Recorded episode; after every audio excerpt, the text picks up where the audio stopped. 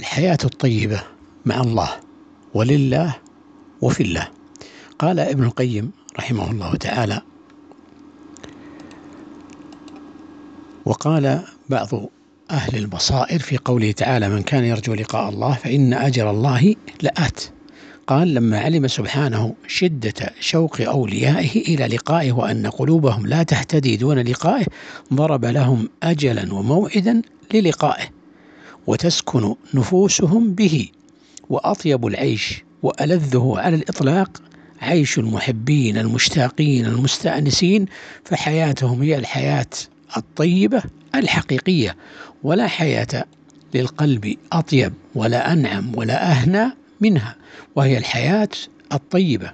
وهي الحياة الطيبة في قوله تعالى من عمل صالحا من ذكر أو أنثى وهو مؤمن فلنحيينه حياة طيبة.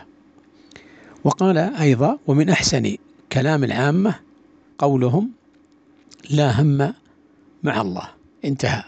وأطيب ما في الحياة لله نيل محبة الله تبارك وتعالى. قال الله تبارك وتعالى وجبت محبتي للمتحابين في والمتجالسين في والمتزاورين في والمتبادلين في. رواه الإمام مالك ومن طريقه رواه الإمام أحمد.